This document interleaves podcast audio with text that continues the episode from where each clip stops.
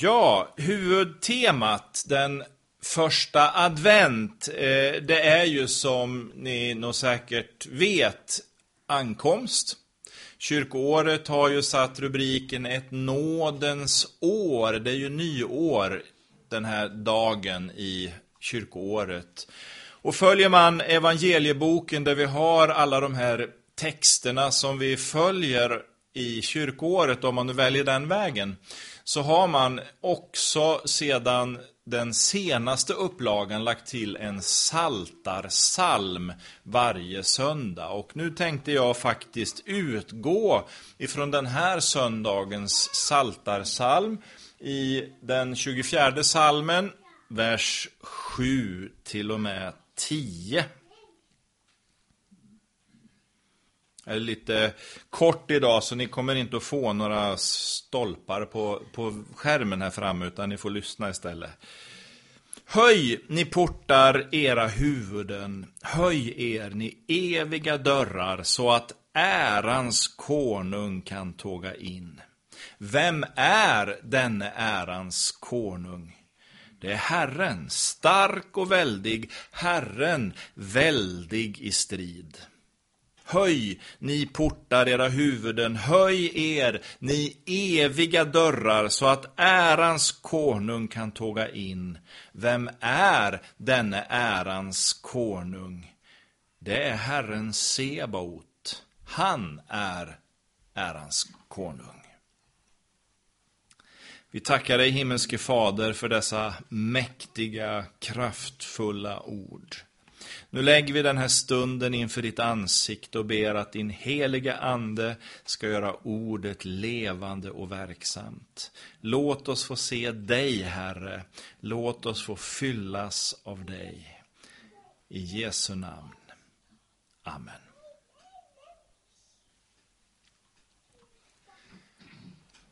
Om man vill sätta någon slags stämpel på vår tid, på vår samtid, om man vill förstå den eh, ideologiska strömning som på något sätt präglar det mesta som finns omkring oss, så skulle man kanske kunna sätta dit ordet post modernism idag. Kanske att ni har hört talas om det där och vi ska inte grotta ner oss i vad postmodernismen står för. Men det finns några tankar där som ändå är värdefulla att ta med sig. Jag brukar framhålla två saker när jag beskriver vad postmodernismen handlar om. Det ena är att i det postmoderna sättet att tänka finns det ingen absolut sanning överhuvudtaget. Och det andra, i det postmoderna sättet att tänka finns det ingen objektiv auktoritet. Och vad jag menar med det här, eh, det är att när det gäller sanningen då, så förändras ju den hela tiden i vår samtid. Det finns inget konkret, finns inget bestående, utan allting flyter omkring. Och jag vågar ju knappt säga så när det sitter åtminstone två politiker här idag. Men om vi lämnar kommunpolitiken och sträcker oss lite längre ut i, i rikspolitiken så kanske man ser i den politiska strömningen att man en dag med en fas och eftertryck framhåller en viss sak. Och så går det en liten tid. Och sen så hör man samma politiker säga någonting helt annat. Och så nästan som att man inte vill kännas vid att man sa precis motsatt sak för ett tag sedan. Och det där är ett uttryck just för det här postmoderna sättet att tänka. Det finns ingen absolut sanning, för det är nuet som gäller. Det är nu jag lever och det är det som gäller och råder just nu som jag också håller fram. Och det leder ju till att man i förlängningen förfäktar objektiva auktoriteter. Och det är inte så knepigt som det låter, utan om jag och mitt liv är subjekt så är objekt någonting som står utanför mig. Och vad det här handlar om är alltså att man tar avstånd ifrån att det finns någonting utanför mitt liv som ska säga hur jag ska leva och hur jag ska agera och göra olika saker. För det är min känsla som gäller. Det är vad jag känner för stunden som är det som gäller. Och därför skulle man kunna säga att den sekulära postmoderna trosbekännelsen säger var och en blir salig på sin tro. Det är ungefär så det här eh, idéhistoriska paradigmet fungerar om man nu ska använda sådana där fina konstiga ord. Och nu sitter du och funderar, vad har det där med dagens predikan att göra? Vad har det med den här saltartexten att göra egentligen? Jo, väldigt, väldigt mycket. Skulle jag vilja påstå. För det som vi har omkring oss i vår tid och i vårt samhälle blir ju när vi läser en sån här text och när vi läser Bibeln väldigt uppenbart någonting som står i direkt motsats till det kyrkan förkunnar, eller egentligen det Bibeln proklamerar för oss. För Bibeln är ju en objektiv auktoritet. Och rubriken som jag har satt för den här predikan är, som du ser på skärmen, sanningens konung.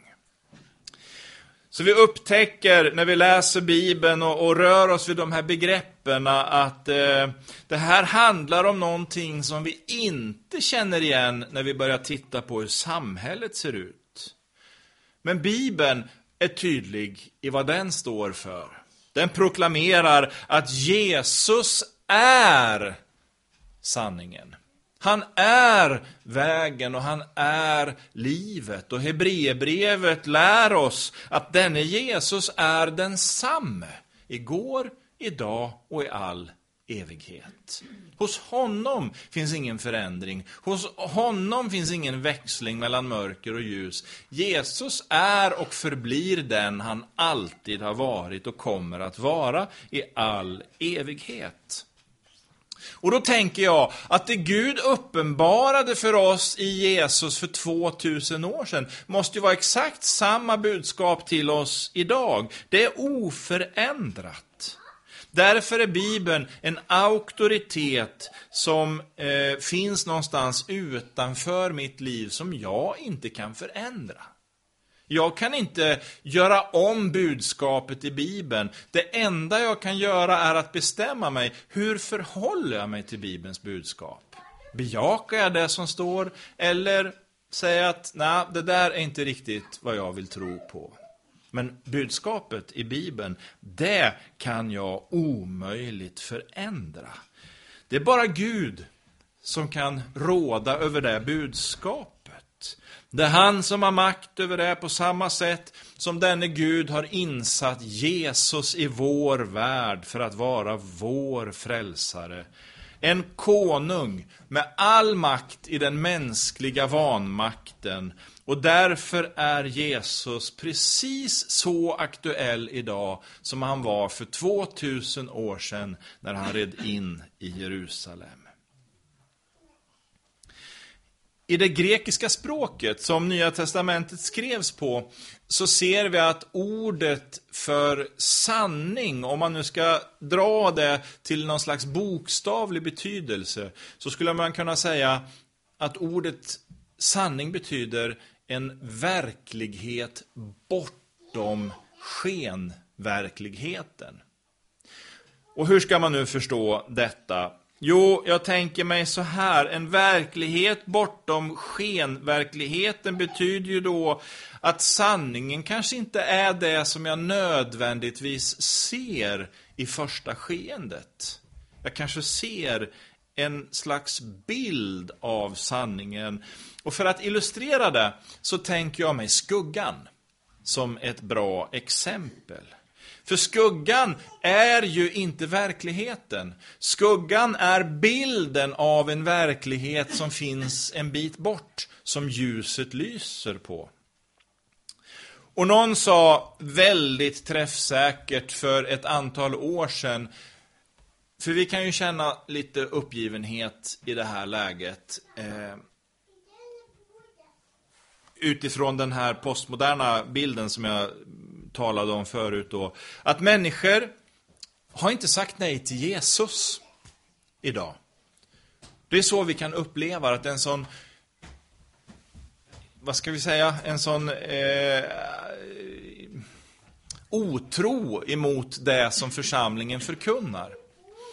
Men det är ju just det som är poängen, att många gånger så har församlingen förkunnat en annan Jesus än den som Bibeln framställer. Och det är den Jesus som världen har sagt nej till.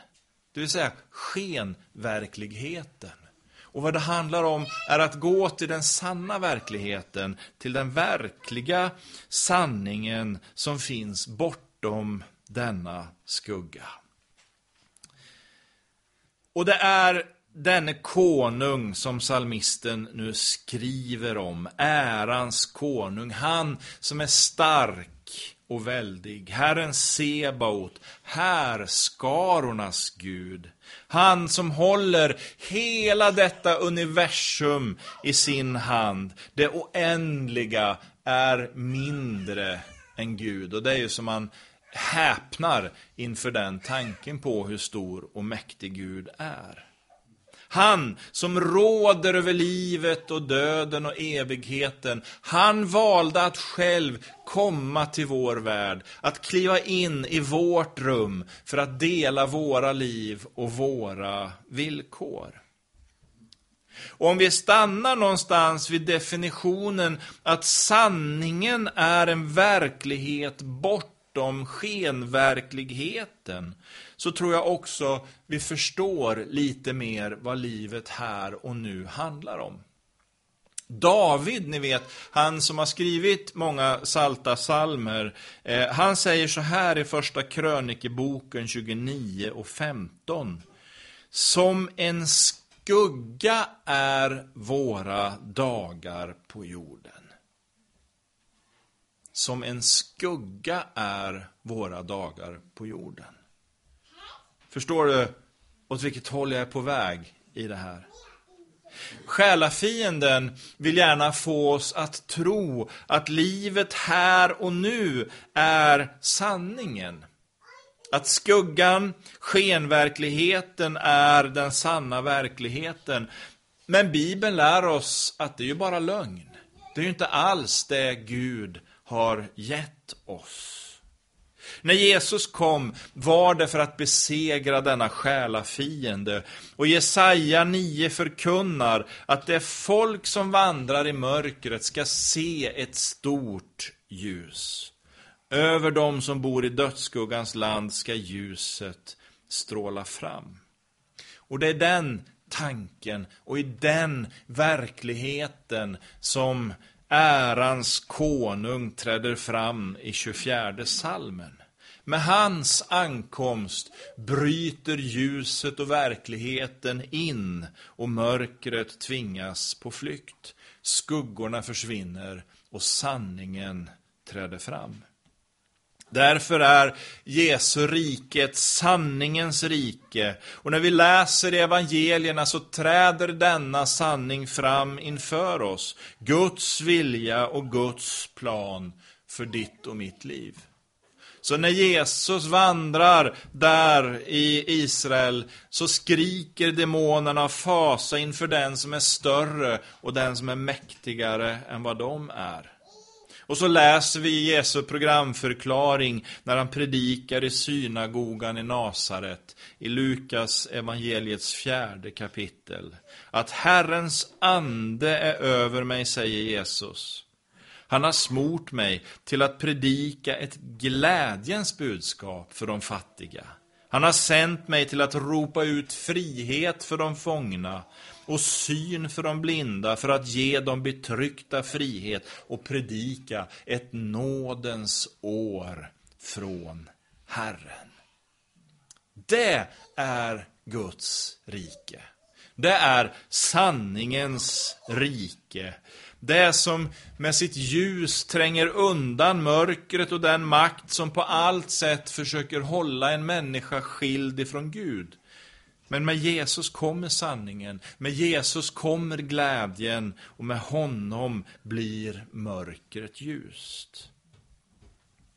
Jesus är sanningens konung. Hans rike är sanningens rike. Och så ser vi till sist att han kommer med en inbjudan till oss alla in till detta rike. Och det gäller alla människor. För ingen blir ju medborgare i sanningens rike per automatik. Det finns ett innanför och det finns ett utanför. Det kan vi inte förneka. Och vi kan inte falla för frestelsen i det heller. För det är, för att använda ett riktigt gammalt uttryck, det är en sömndryck för syndare. Det riskerar att ge människor en falsk trygghet som låter dem gå förlorade för gemenskapen med Gud. Men med det sagt, att det finns två vägar ut från det här livet, så vill jag peka på det stora i att det finns en väg till gemenskap med Gud, en av dessa två vägar. Och i oktober så predikade jag om just det. Du kommer säkert ihåg den predikan in i minsta detalj. Ja, ni ser ut som frågetecken allihop. Jag förstår väl det. Eh, men faktiskt, jag talade om det här i oktober. Hur blir man frälst? Och så konstaterade jag väldigt kort att det är en fri gåva från Gud. Vi kan inte förtjäna den. Vi kan inte arbeta oss till den, utan Gud ger den i sin generositet till oss människor. Och det handlar i enkelhet om att bekänna för Gud, jag klarar inte det här livet själv, jag behöver dig Gud. Och inse att det finns någonting i mitt liv som skiljer mig ifrån gemenskapen med Gud. Jag behöver Jesus för att komma i rätt förhållande till Herren. Och så långt är nog alla med. Men sen, det där sista som är så viktigt att ta till sig och leva i, det är ju att faktiskt acceptera acceptera i detta också att Gud har förlåtit mig. Jag duger att bli viss om barnaskapet. När Jesus red in i Jerusalem ropade folket Hosianna, Davids son, välsignade han som kommer i Herrens namn. Och det här Hosianna är ju ett frälsningsrop, ett rop, Herre rädda mig. Jag klarar inte det här själv. Då blir det precis, och det är det sista jag ska säga nu, då blir det precis som den spetälske som kom till Jesus. Och han sa så här, Herre, om du vill så kan du göra mig ren. Kommer du ihåg vad Jesus svarade? Jag vill bli ren. Och så är det med Hosianna-ropet. Herre, om du vill så kan du frälsa mig. Och då svarar Jesus, jag vill. Kom mitt barn. Låt oss be. Vi tackar dig himmelske Fader för att du själv som ärans konung trädde in i den här världen. För att visa din kärlek, för att visa din makt, för att visa din härlighet.